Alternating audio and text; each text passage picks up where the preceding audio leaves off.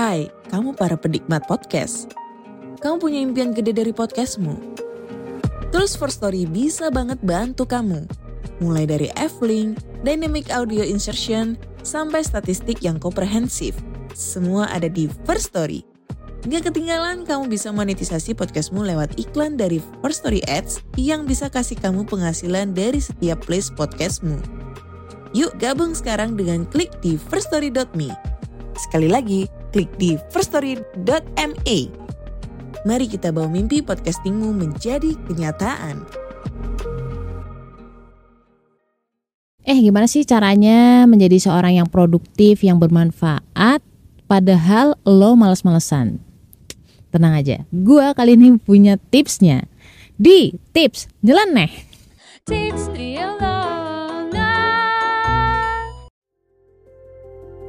Assalamualaikum.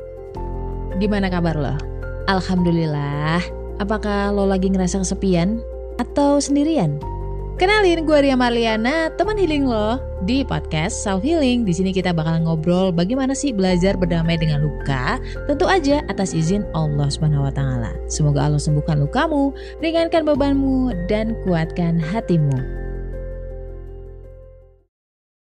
Oke, kembali gimana sih caranya biar jadi produktif walaupun nih lo males-malesan. Biasanya tuh kalau anaknya males-malesan nih kayak gue juga, gue nggak nunjuk lo nih, gue tuh nunjuk gue gitu ya. Kita nih para golongan darah yang sukanya males-malesan, khususnya orang-orang yang bergolongan darah B, biasanya tuh dia melakukan sesuatu karena dia mau atau nggak mau, dia suka atau nggak suka. Jadi jarang banget golongan darah B itu dikasih iming-iming. Eh nanti kalau misalkan kamu mencapai target gue kasih iPhone deh. Eh nanti kalau misalkan mau ini nanti gue kasih ini deh. Kalau misalkan orangnya nggak mau nggak mau, nggak tertarik gitu. Jadi motivasi orang-orang males biasanya itu datang dari dalam dirinya sendiri. Dan motivasi dari luar biasanya kurang begitu ngefek ya. Kalau disebut mudi mungkin bisa juga disebut mudi ya, mudian, mudi ayunda. So that's my story. I always get so moody.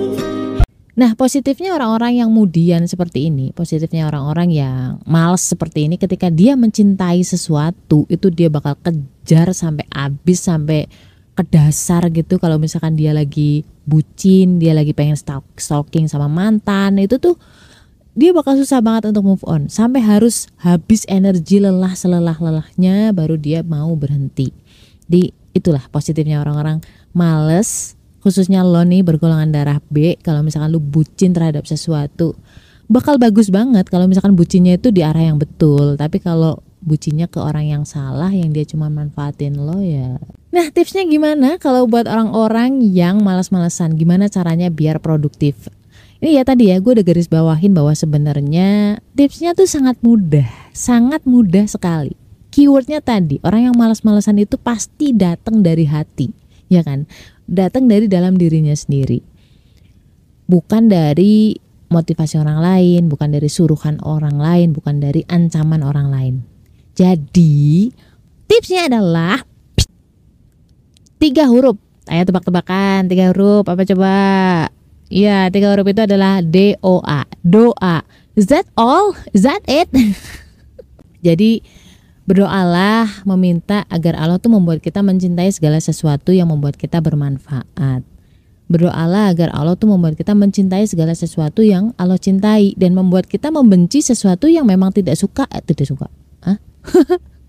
dan berdoa agar Allah membuat kita tuh benci dengan apa yang tidak disukai oleh Allah Subhanahu wa taala. Jadi kita ngejalaninya tuh nggak ngoyo, santai, kayak di pantai, woles tahu-tahu nyampe. Karena apa? Karena kita punya hati di situ, kita mencintai itu. Jadi sebenarnya yang membuat kita berat tuh bukan pekerjaannya, tetapi pekerjaan seringan apa pun kalau misalkan kita nggak suka gitu ya, kita nggak seneng, kita nggak ridho, itu terasa berat.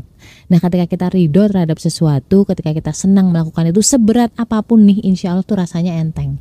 Makanya kita berdoa sama Allah, kan Allah yang maha membolak balikan hati ya kan? Makanya ada doa yang mukolibal kulub sabit kolbi yang ala dinik.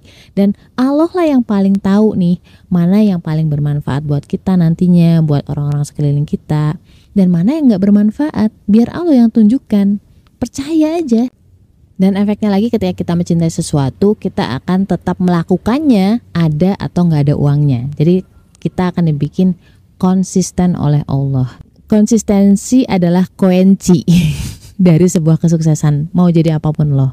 Prinsipnya tiga, awali asah, eh balik, awali amati asah. Artinya kita memulai terlebih dahulu, terus kita mulai mencobanya terus-terusan konsisten sampai pada titik kita menjadi seorang yang piawai ya dulu gue ketika nge-podcast juga iseng doang sih awalnya ya. Jadi kayak pengen aduh pengen ini deh pengen nge-podcast eh ternyata gue seneng gitu seneng setiap minggu gue bikin episode ya kan gue publish.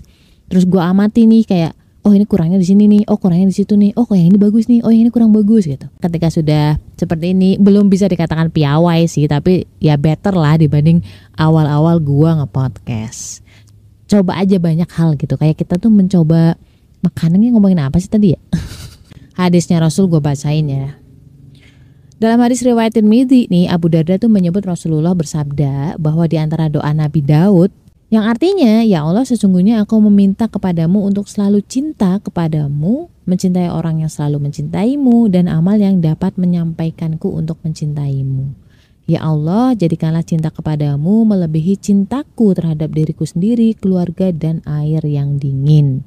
Ya kan air yang dingin itu kan di di mana pun lah kayak air yang seger itu kan pasti dibutuhkan ya kan sih kayak nyes gitu kan. Penting banget di dalam hidup kita dan untuk survive-nya kita. Dan itu kita berdoa agar Allah lebih mencintakan kita kepada Allah. Kalau kita cinta kepada Allah insya Allah tuh ya dituntun aja gitu hidupnya. Bukannya mau sotoy sih tapi ya kita bisa ngaca lah dalam diri kita berapa banyak sih Allah itu sudah menyelamatkan kita dari banyaknya keburukan-keburukan. Awalnya kita kecewa dengan suatu kebijakan, misalkan kecewa dengan suatu peristiwa, tapi setelah beberapa bulan setelahnya atau misalkan beberapa saat setelahnya bahkan beberapa tahun setelahnya kita bersyukur pernah mengalami kegagalan itu. Gue banyak banget sih ngalamin hal kayak gitu karena jujur aja ya gue dan banyak golongan darah B itu kan nggak pekaan orangnya ya kan. Misalkan ada orang jahat sekalipun ada yang berbahaya sekalipun dia tuh nggak ngeh gitu. Sampai pada titik Allah gagalkan di bidang itu ternyata Allah itu menyelamatkan kita dari hal yang buruk. Allah menyelamatkan kita dari rencana-rencana yang sebenarnya itu tuh mengantarkan kita ke hal yang membuat kita depres kah? Atau membuat kita tuh ngeluh-ngeluh hibah-hibah terus ya kan sih?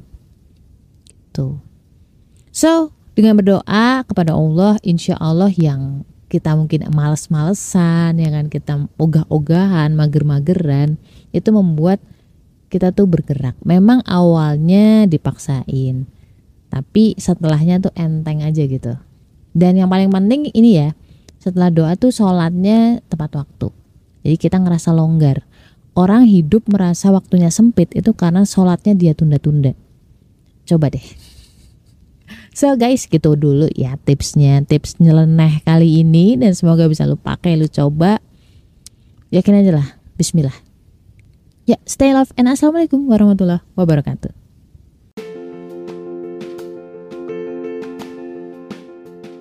Kenapa sih golongan darah B itu pelupa, susah banget ingat nama? Orangnya juga cuek, nggak pekaan, nggak perhatian. Kenapa coba? Bedah itu semua dari buku cerita tentang karakter golongan darah B dengan judul Beauty in a Beast. Order sekarang, link di bio ya.